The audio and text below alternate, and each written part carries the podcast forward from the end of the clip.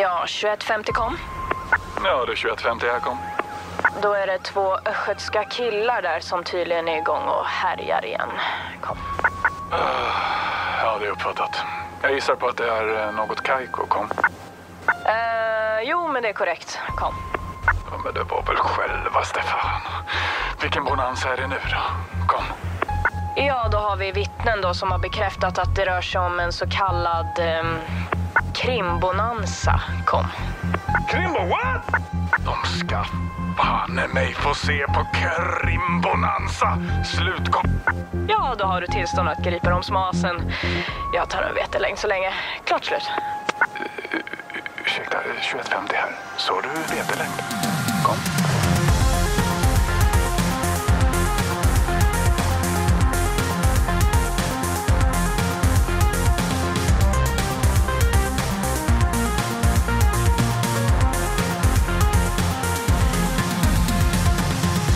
Hjärtligt välkomna ska ni vara till våran minst sagt speciella vårspecial där vi stolt presenterar Krimbonanza.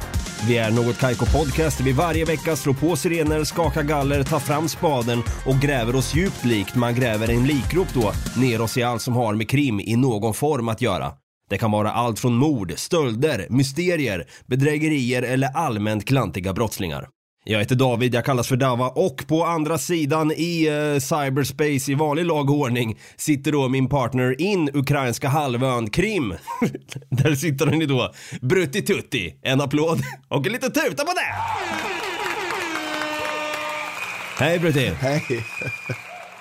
Ja, tredje avsnittet nu på i, i cyberspace. Det är, det är så man får lösa det tills vidare.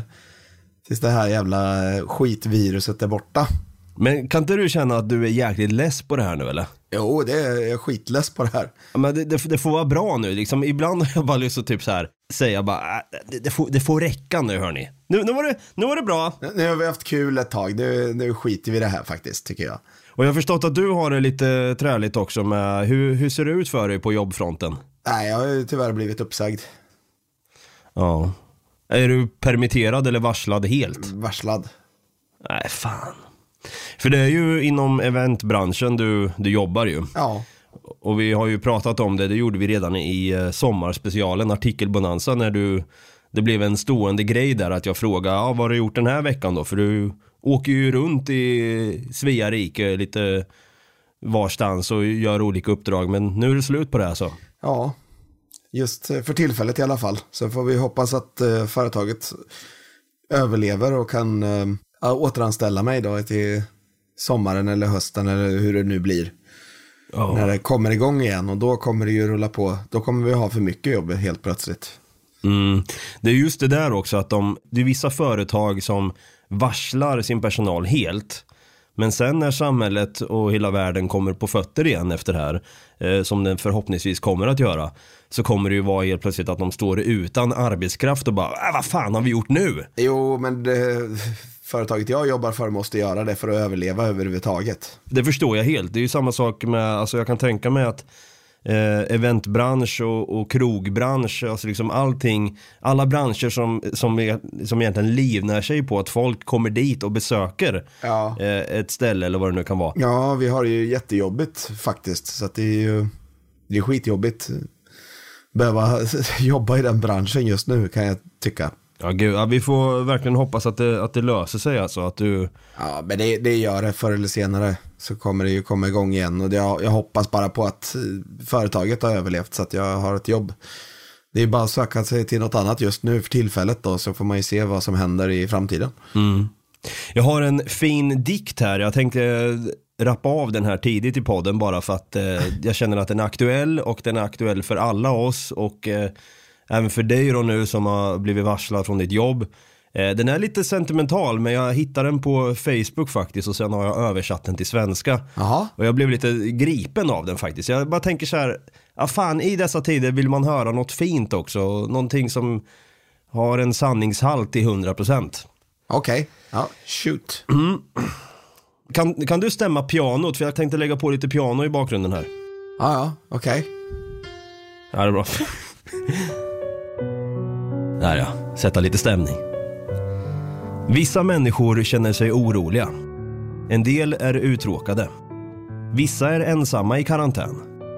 En del njuter verkligen av den här extra tiden med sina barn och kommer sakna det när det är över. Vissa har precis avslutat sitt tolfte dubbelpass i rad på sjukhuset och kan inte krama om sin familj. En del har dött. Vissa kan inte sluta läsa nyheterna. En del har inte råd med tvål. Vissa arbetar hemifrån medan de samtidigt försöker ge läxhjälp till sina barn. En del kan inte gå till mataffären eftersom de är i riskzonen. Vissa förlorar sina jobb. En del kan inte arbeta på distans. Vissa har fått covid-19 och vet inte om det ännu. En del har inte råd med sin hyra nästa månad. Vissa samlas fortfarande i stora grupper. En del håller resten av oss vid liv. Vissa köpte inte tillräckligt mycket med handsprit. En del köpte för mycket handsprit. Vissa är främst bekymrade över vad de ska titta på härnäst på Netflix. Och en del skulle verkligen bara vilja få en kram. Vem är du? Ja, fan. Det är en applåd om tittar på den va? Ja, fan, jag blev lite tagen där alltså. Ja, ja. Den berör alla oss. Absolut, det gör den. Ja, det, är, det är tråkigt, men vi kämpar på här i alla fall. Det gör vi. Och någonting som vi också har dragit igång med nu innan vi drar igång med självaste avsnittet är ju också att vi har kickat igång vår Patreon igen. Patreon är en sida där du kan gå in och donera eh, en summa varje månad nu har vi ställt in det som. Att varje månad så har vi ställt in nu så att 50 kronor kan man bidra med om man vill. Det är inget krav eller måste. Men det hade hjälpt oss i dessa tider. Eh, särskilt nu när du och jag inte kan ses på samma sätt, att vi kör på distans.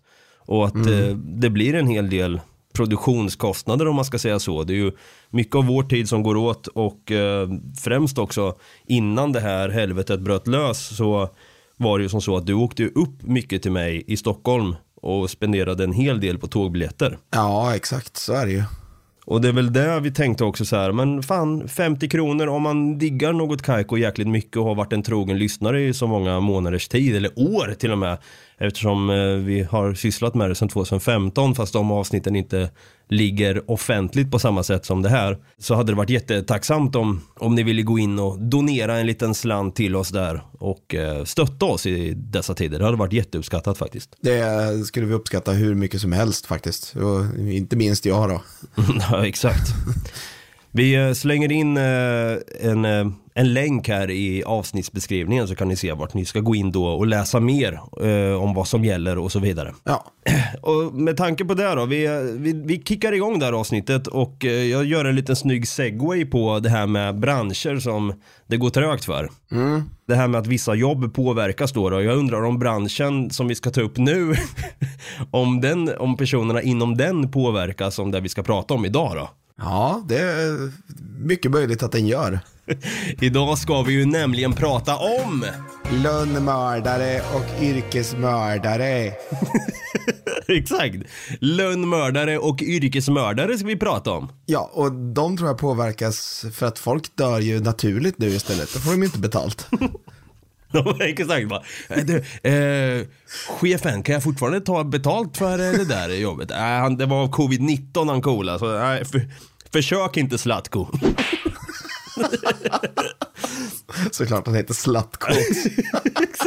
ja, men det så, jag tänker mig typ en så här, en riktigt stor jäkel med, med skinnjacka och rakad skalle och, och skäggstubb och bara vä- världens bredaste axlar typ. Typ från Serbien eller någonting. Ja exakt, han har liksom han, han, har, typ, han har mördat 250 personer, känner inga känslor alls. Det liksom, han kan gå och strypa ihjäl en jävel på jobbet och sen komma hem till sin familj och käka pasta bolognese och skåla lite rödvin med frugan där och skratta liksom. Ja, men det, det låter ungefär eh, helt troligt skulle jag nog tippa på. Vi ska alltså prata om lönnmördare och yrkesmördare i detta avsnitt. Vad är skillnaden på dem egentligen och eh, ja, vad har de för ursprung just lönnmördare och yrkesmördare? Hur ser det ut idag? Och så vidare. Det, det blir ett minst sagt intressant avsnitt. Mm, det tycker jag definitivt. Vi kör igång. Ja. Jag ställer dig frågan, vad är skillnaden egentligen på en lönnmördare och en yrkesmördare? Är det samma sak? Nej, det är inte alls samma sak. Eh, en, en lönnmördare är en eh, som mördar mm, för ett politiskt eller religiöst eh, motiv. Så att de måste liksom, där finns det ett motiv till det hela. En eh, yrkesmördare, en, en person som mördar för pengar. Eh, lönnmördare, är de, eh, alltså det känns som att det var mer kanske frekvent back in the days än vad det är nu kanske, I don't know. Idag i alla fall, eh, om det, om det är så att det finns mycket sådana så, så arbetar de nog snarast för CIA och uh, mördar politiker. För jag tänker direkt på den här eh, filmen med Tom Cruise från 2008 där, Valkyrie. Ah, Eh, när han då ska avrätta Hitler. Ja, precis. Och han var ju då, eller han drog igång en lönnmördargrupp skulle man kunna säga. Exakt. Han, de placerade en bomb där i en, i en väska. Se den filmen för de som inte har sett den. Men de försökte då assis, assassinera, ass, assassinate. Ä- eh, säger man assassinera? Nej, lönnmörda säger man då. Det låter nästan som att man står i köket och typ så ja ah, men först flamberar jag ankan här. Sen väljer jag att assassinera tomaterna. Häng med! Okej, så lönnmördare mördar alltså för ett politiskt syfte och eh, Ja, eller, eller ett religiöst syfte. eller religiöst syfte och yrkesmördare kan vara då att de gör det för pengar enbart. Men saken är ju den också att det, om man ska gå tillbaka lite i historien då så eh, kan man ju faktiskt gå tillbaka till ungefär 1100 efter Kristus eller 1090 för att vara exakt när eh, Order of Assassins formades. Jaha, okej. Är det lite såhär Assassin's Creed typ? Det är lite Assassin's Creed faktiskt. Eh, De här är ju då, på persiska kallas de, som, kallas de Hashashian eh, och arabiska Hashashia eller Hashashin. Eh, Och det var en Hashashi. Ja. Eh! Nu är inte jag jätteduktig på varken arabiska eller persiska så du får inte mörda mig om jag säger helt fel. Han sa hashashi fel! Säg ingenting. Hashish.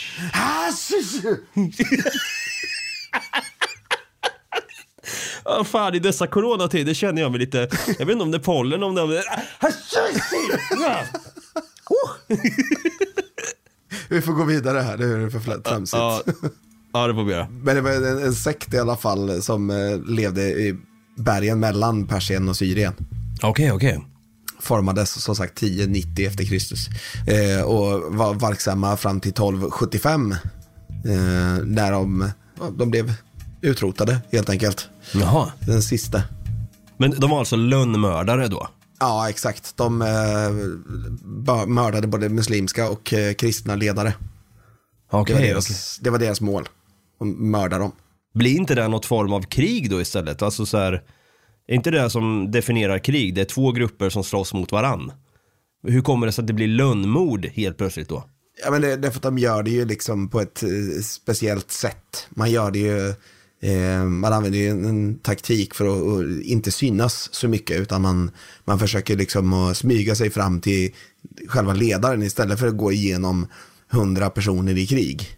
Så tar man sig runt de personerna och mördar bara ledaren istället och hoppas på att eh, alla andra ska ge sig då, för att ledaren är död. Men det har ju funnits eh, tidigare också. Framförallt så kan man väl se liksom ninjan som, som någon sorts eh, lönnmördare. Eh, fast egentligen inte. Ja, den japanska klassiska ninjan alltså. Eller shinobi som det också heter. Shinobi no mono. Shinobi no mono, det har du gjort din läxa, det har jag ja. Ja. För grejen är att alltså, en, en ninja eller en shinobi var ju inte riktigt en, en lönnmördare för de hade, hade ju inte liksom något eh, politiskt eller, eller religiöst motiv på det hela utan de, de var ju i krig då som, som de försökte bara liksom eh, inte synas utan eh, mördar i, i, från skuggan typ. För ordet ninja då eh, betyder, kan, man, kan översättas till dold person. Så därför försökte man ju liksom att, att, att göra det liksom så tyst och så, för att och inte bli sedd.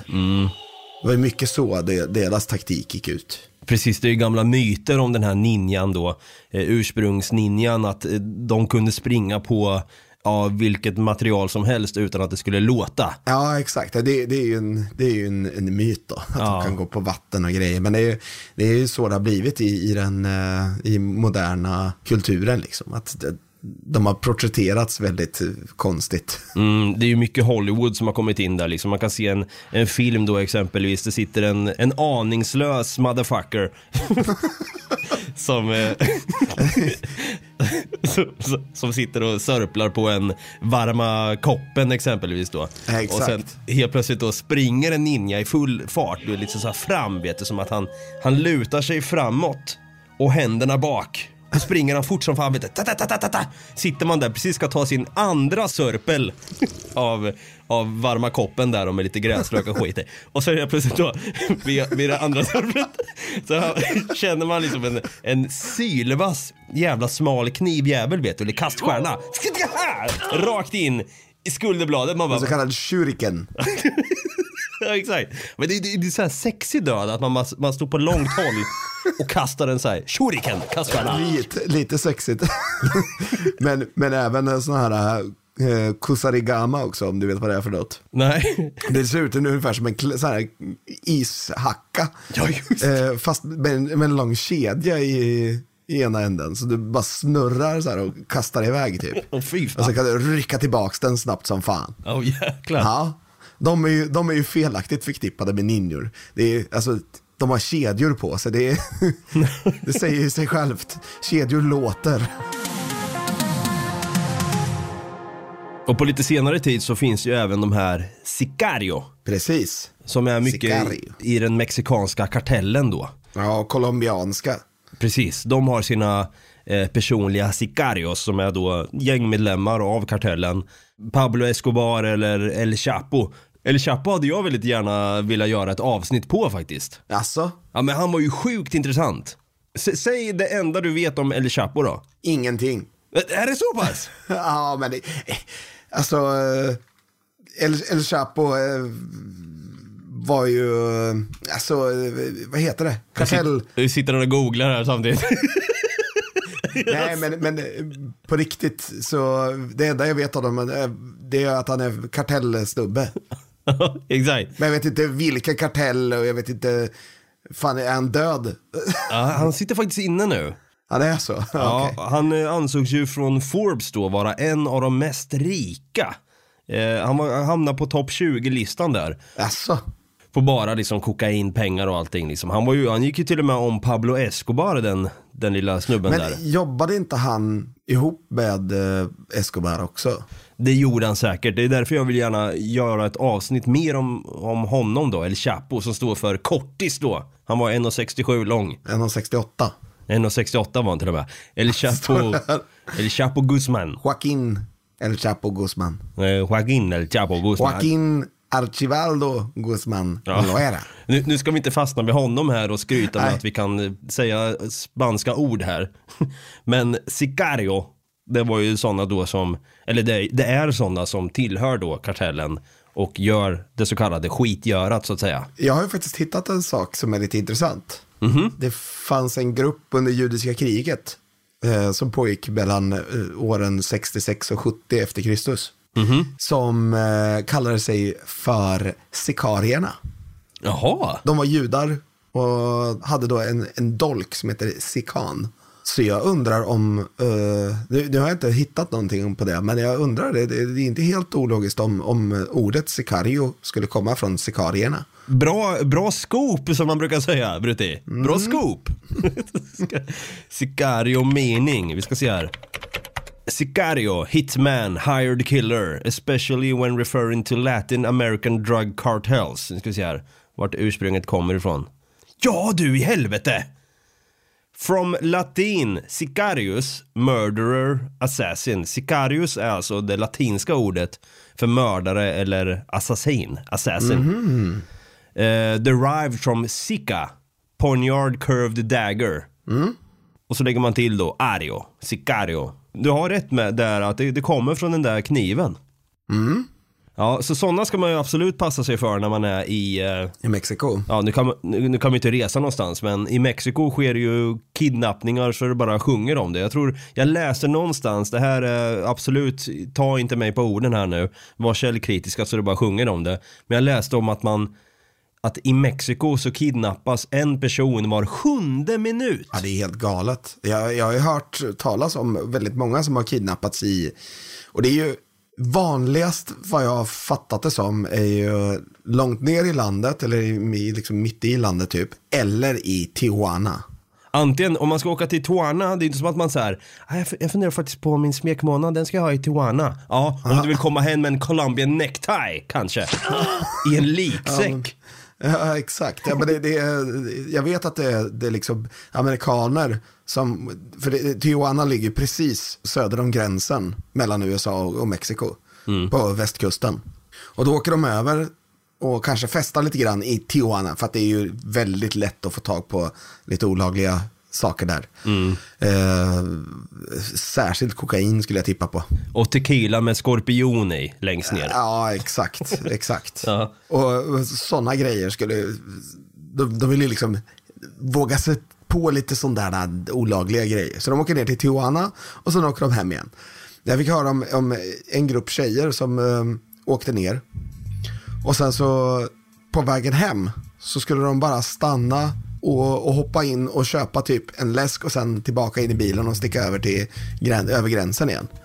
Medan de är eh, inne då så satt, stannade en kvar i bilen. Bilen var låst och de var inne i kanske fem minuter max. Och sen tillbaka in i bilen. Då är hon borta. What? För hon, hon sov. Ja. Så de lämnade henne i bilen. För hon ville inte följa med in, för hon ville fortsätta sova. Okej. Så de låste bilen för att hon inte skulle liksom bli kidnappad då. Men hon var borta, spårlöst försvunnen. Och de vet inte hu- hur det gick till. Men de hittade henne sen, eh, flera veckor senare. Dumpad i ett dike. Nej. Ja. Nej, fan vad hemskt alltså. Och de använde ju liksom, eh, då har de använt henne som, som någon sorts eh, drogmule typ. Nej, fan vad oskönt. Ja. Och sen så använder de ju som, som eh, här, tar dem och, och gör dem till prostituerade. Bara trycker i dem så mycket knark som inte vet vad de heter och sen så bara sätter de så här eh, sjukt äckligt och eh, så jävla vidriga människor som gör sådana här grejer alltså. Ja, gud ja. Men jag tror också att de är nog inte, det har blivit så normaliserats för dem. Alltså så här att Ja. de, de, de växer upp i väldigt tuffa områden när det kommer till ekonomi och allting. Alltså de är så jäkla utsatta från, från födseln. Så att jag, jag har faktiskt en artikel här framför mig eh, som Café har skrivit. Okej. en kvinna då, en journalist som heter Magda Gad som har skrivit den här artikeln då hon träffade en, en yrkesmördare här. Okej. Eh, Det här är från 2014 och då eh, berättar då Elvin som blev intervjuad av Magda Gad att eh, han har mördat 25 människor. Och han säger då med sin hesa röst Först var det svårt. Sen längtade jag efter det. Sen kände jag ingenting. Riktigt såhär, du vet, hardcore vet du. Det är det som har typ så här. Ja, i början när jag då skulle försöka slänga ihop en paella här i köket. Det var, det var Det var svårt. svårt. Det var svårt i början. Och sen när jag väl fick till det, så fan vad gott det var. Jag längtade efter det här. Sen, sen kände jag ingenting för mina smaklökar var helt åt helvete. nej, nej men då att han som 11-åring, den här Elvin, han gjorde ett inträdesprov då till ett gäng då som heter Mara Salvatrucha.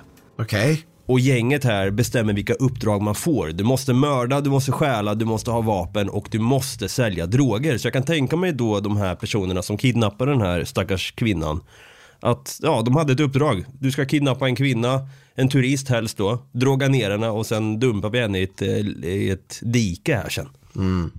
Han, han tillägger här också den här Elvin då att han, han är inte besvärad över att ha mördat i yrkets tjänst. Jag har dödat många personer men jag klagar inte och jag sitter av ett rättvist straff.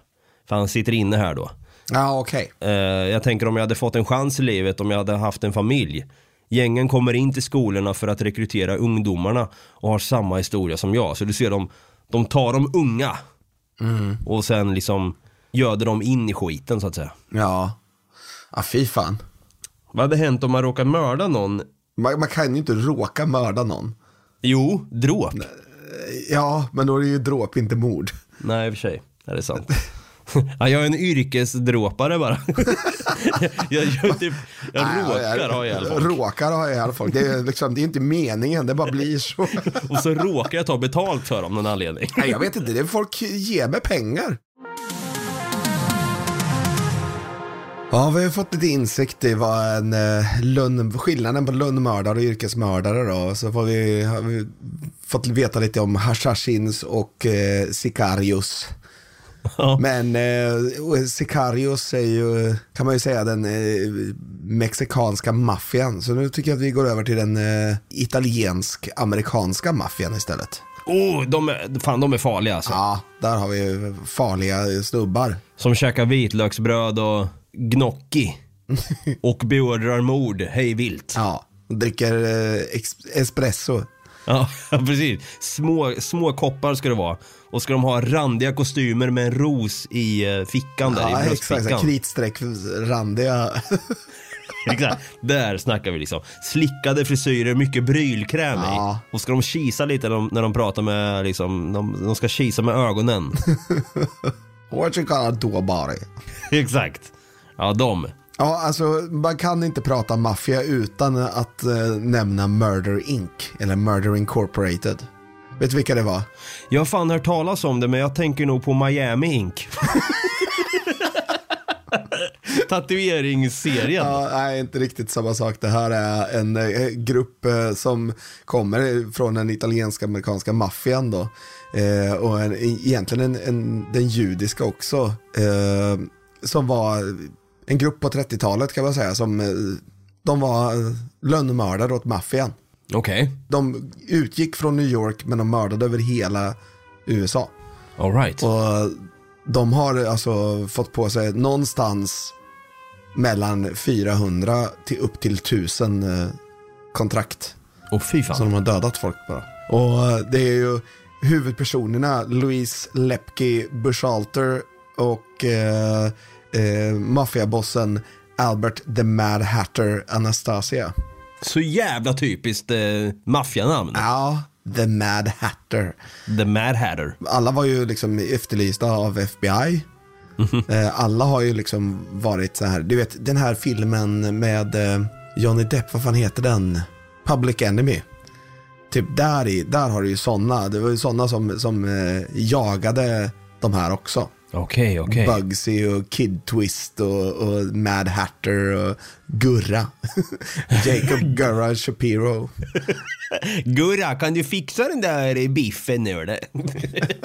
ja, nej men för det var ju som så, jag ser här, grundare till Murder Inc. Det är ju Bugsy Siegel, alltså Bugsy, och eh, Meyer Lansky. Ja. En judisk maffiaboss då. De här två vet jag, eftersom jag är stort fan av HBO-serien Boardwalk Empire. Eh, som är en maffiaserie då på HBO. Stort tips nu i karantäntider att titta på den. Eh, då får man ju följa bland annat då Meyer Lansky och Bugsy och man får se liksom ja, hur, hur maffian florerade under the prohibition era så att säga. ja, exakt. På vilket sätt hade de ihjäl folk då? Ja, det, alltså, det var ju rena, vad heter det, avrättningar. ja, Alltså på riktigt. De bara gick in och sköt folk. Med, antingen med pistol eller med automatvapen. Det var ju inget snack, har du tänkt på det? Nej, det, det var det verkligen inte. Det var liksom en Tommy Gun och tre pers uppradade ungefär.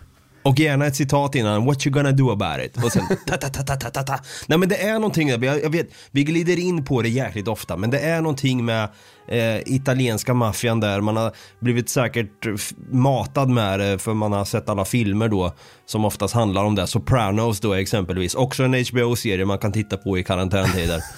eh, liksom det här med att de, har, visst, de romantiserar själva maffialivet och så, men det är någonting kittlande med det här med att det är hardcore snubbar som förmodligen har varit med i första eller andra världskriget. De har sett krig, de har sett misär, men de är fortfarande liksom rätt så, eh, inte så jäkla skadade av det. Eller det vet man ju inte i och för sig. Man vet inte hur de mår egentligen. Nej.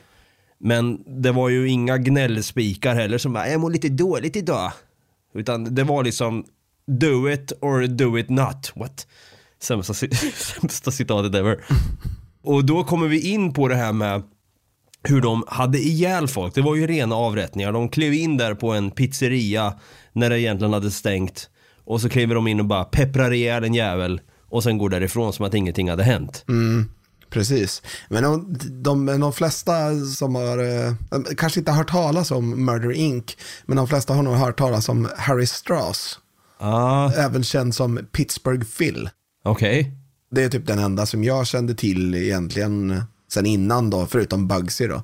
Han har ju gjort typ minst hundra mord.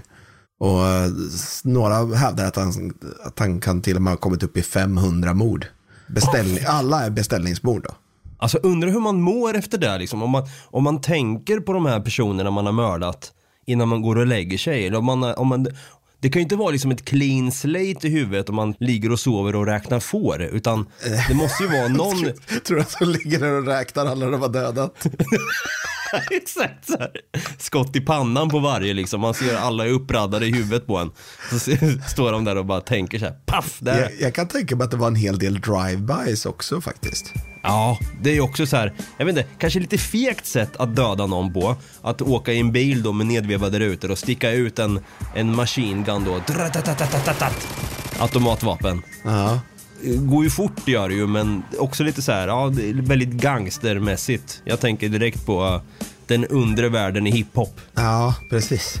Nej, men jag tänker då att den, ehm, den vanligaste metoden är nog bara att gå raka spåret in på eh, en, en restaurang som en annan maffiaboss eh, ägare utav. Och bara när han sitter där och bara ta upp en pistol och skjuta honom i skallen och sen gå lugnt därifrån. Jag tror att det är mycket sånt alltså. Jag tror de var så jävla iskalla vet du. Har du sett The Irishman på Netflix? Ja, det har jag gjort. Fasen så bra den är. Ja. Det är ju legenderna Robert De Niro, Al Pacino och Joe Pesci i en och samma film. Martin Scorsese bakom kameran tänkte jag säga, men bakom regin. Ja. Det är ju en verklighetsbaserad eh, sann historia då om den så kallade Frank Sheeran Exakt. som gick under namnet The Irishman då. Mer eller mindre var en medlem av The Buffalino Family då. Mm, exakt. Och han då, man får ju se en, eh, utan att försöka spoila någonting här, men det sker ju en hel del mord i den i alla fall. Och sättet då han mördade folk på var ju liksom, det var den här som att du och jag så här när vi ska podda exempelvis när vi väl ses. Så bara, tja fan är det bra eller? Ja men fan kul att se det. Pa, pa, pa! Ja. alltså, det är liksom, han, han säger mitt i en mening så här, fan det var länge sedan, hur mår frugan? Pa, pa! Två skott i huvudet och sen går, traskar han vidare som att ingenting har hänt. Ja, det är helt sjukt ju. Och det, är- an- jag antar att det där är, de har ju säkert eh, intervjuat eh, just Frank Sheeran inför sånt här. Det är liksom mycket som är sant i den där tror jag. Det var ju det jag menade med att det var inget snack. Det var inget trams. Det var liksom som det var taking out the trash var det liksom för dem. Och det här var ju liksom, det var ju hardcore yrkesmördare då. Frank Sheeran, Murder Inc och alla de här liksom italienska maffia-dudesen här då. då. Ja, i, idag har vi bara Ed Sheeran.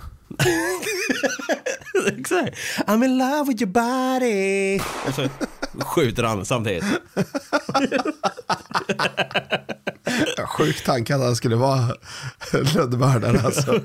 Jag tror man ligger högt i kurs då om man ser gullig och oskyldig ut som Ed Sheeran. Ja, jo, men det... Man, man ska helst inte se för hård ut. Nej, precis. Men det var ju faktiskt en, eh, en snubbe, det, det är helt bisarrt det här. Men känner du till en eh, löpare som heter Mark Fellows? Eh, hört talas om. Jag tyckte jag, hans namn flög förbi här när vi skulle göra lite research inför avsnittet här. Ja, ja men alltså han, han kallades för Iceman, för han var så kylig. Okej. Men han var en långdistanslöpare och liksom sprang maraton och grejer. Och helt plötsligt så bara blev han fälld för två beställningsmord. Va? Ja, Ja men herregud. det här var 2015 som han dödade den ena och sen tre år senare, alltså 2018, så dödade han nästa. Och det här är, eh, det är så sjukt för att han, han hade en GPS-klocka. Aha. Och med, den kunde, med hjälp av den så kunde de tracka var han hade varit då. Åh, shit. Ja, tekniken ibland kan vara en, ens fördärv. Verkligen. Han, han har mördat en eh, Paul Mr. Big Massey och andre mannen John Kinsella som var ledare då för norra Englands organiserade brottslighet. Okej, okej. För lite drygt ett år sedan då, i augusti här, så eh, skriver även Liverpool Echo här då att eh, det här Mark Fellows, att han har blivit eh, känkad i, i fängelset. Aj fan, och han dog av det eller? Nej, han gjorde faktiskt inte det. Åh fy Vad fan. jag kan, vad jag kan eh, se här, läsa mig till så har han inte, men han har blivit paralyserad. Ödets ironi alltså. Ja, Någonting som är ironiskt i alla fall, det här med yrkesmord då, eller beställningsmord. Har du hört talas om eh, Tan, ursäkta min kinesiska här nu men Tan, Yu- eller ma- mandarin är det ju. Tan Yuhi. nej, Han, året var 2013 här då, när han eh, lejde en, en, eh, ett beställningsjobb då. okej. Köpte en yrkesmördare helt enkelt då. Som skulle mörda då Tans, vad ska man säga, konkurrent Wei Mu. Okej. Tan Yuhi var en affärsman då och eh, gav då den här Shigawangang eh, som, som eh, yrkesmördaren hette här. Eh, två miljoner kinesiska yens. Eh, det är typ 282 000 dollar. Vad är, blir det i svenska kronor? Ja, Ta gånger 10. 2,8 miljoner. Det som händer är att Xi Guanggang, för de här pengarna han har fått, lejer han en yrkesmördare för att göra det här jobbet. Jaha, Som okej. i sin tur lejer en annan yrkesmördare. Fan. Och den sista då, yrkesmördaren, alltså den, vad blir det nu, den, den fjärde i Fjärde ledet. i då. ledet, ja. Lejer till slut en sista, så det är liksom fem, det är en kedjereaktion av yrkesmördare som lejer varann liksom. För att, de för att de skulle ha ihjäl den här då, Wei Mu. Och det här, det här sket i sig totalt liksom. Det var, tänk dig som att det var nästan, det, det blev lite av en eh, human centipede av det hela. av lönnmördare, av yrkesmördare. Och alla då dömdes till fängelse till slut här för det, det blev ju genomskinligt. Eh, Det blev lite för mycket skumrask tänkte den kinesiska polisen här då ja. till slut. Och eh, ja, alla fängslades och sex personer hamnade i finkan på grund av det här. Då. ja, men nej, herregud alltså. Vilken jävla härja, vilken sörja det blev. Det är lite gurgel. Där hade de ju behövt Frank Sheeran liksom. Bara någon som kunde göra jobbet direkt istället för att ska leja fyra andra. Men jag undrar vad det liksom, hur det gick till då. Bara, ja, jag kan göra det. Och så, bara delar ut det till nästa. Jag gjort, ja, inga problem. Men jag undrar vad, den sista i ledet, hur mycket skulle han få då? Exakt. Hur mycket fick de var? Alltså tog jag bara, nej du får hälften om, om det är gjort. Och så säger han, nej du får hälften om det är gjort. Och så säger han, nej du får hälften om det är jä- jävla soppa alltså. Ja. Det, är- det är det här jag säger återigen, det, det är för mycket snack. Ja det är det. Ja, Brutte, vi har snackat eh, både lönnmord och yrkesmord i det här avsnittet. Ja, Jäkla intressant faktiskt. oerhört intressant. Alltså det är, man lever i en värld det av eh, egentligen riktiga Jason Bournes.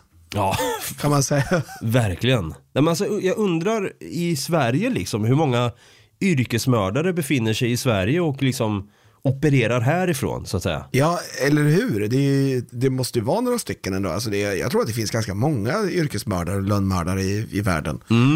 Vi har faktiskt bjudit in, vi kommer ha i nästa avsnitt en yrkesmördare på plats som... Åh fan, det hade varit jäkligt intressant faktiskt om jag får säga det själv. Magda Gad, vilken snubbe alltså. Snyggt där. Snyggt wordplay. ja. Och på tal om wordplays här då Brutti, om man vill knappa in några ord på sitt tangentbord där framför sig. Då ska man trycka in patreon.com slash nagotkaiko. Precis. För det första. Vi säger Patreon, alltså som är då Patreon. Pat, ja, Patreon. Ja. Men vill man nå oss istället då? Då kan man gå in på Facebook och så kan man knappa in Något Kaiko Podcast. Eller så kan man gå in på Instagram där vi heter Något Kaiko. Eller så kan ni skicka ett mail till oss på nagotkaiko.gmail.com. Snyggt där! Och har du en poddapp som du då lyssnar igenom på det här avsnittet då exempelvis, där du kan gå in och följa slash prenumerera på den här podden, så är vi mer än tacksamma om du gör det. Hade också varit kul om du gav oss en tumme upp eller fem stjärnor eller vad fan det nu kan vara. Och kanske skriva en recension i, om vad du tycker om, om den här bonanzan och om podden i sig och kanske ge oss lite tips på vad fan, det här ska ni prata om i nästa avsnitt tycker jag. Det tycker jag, det är bra tips. Eh, och med det sagt, vi hörs nästa onsdag igen, som vanligt. På distans då, tyvärr. Men fan, ni får se till att ta hand om er där nu. Hoppas att eh, saker och ting återgår snart till det normala. Eh, Brutte och jag kämpar på i alla fall. Och vi hörs nästa vecka igen. Det gör vi. Ha det gröt för fan. Ha det grönt.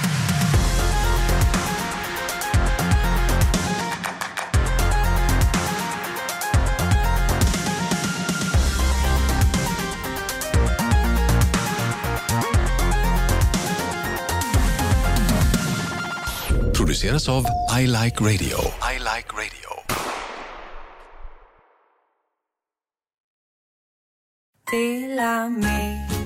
Hej! Är du en av dem som tycker om att dela saker med andra? Då kommer dina öron att gilla det här. Hos Telenor kan man dela mobilabonnemang. Ju fler ni är, desto billigare blir det. Skaffa Telenor familj med upp till sju extra användare. Välkommen till någon av Telenors butiker eller telenor.se.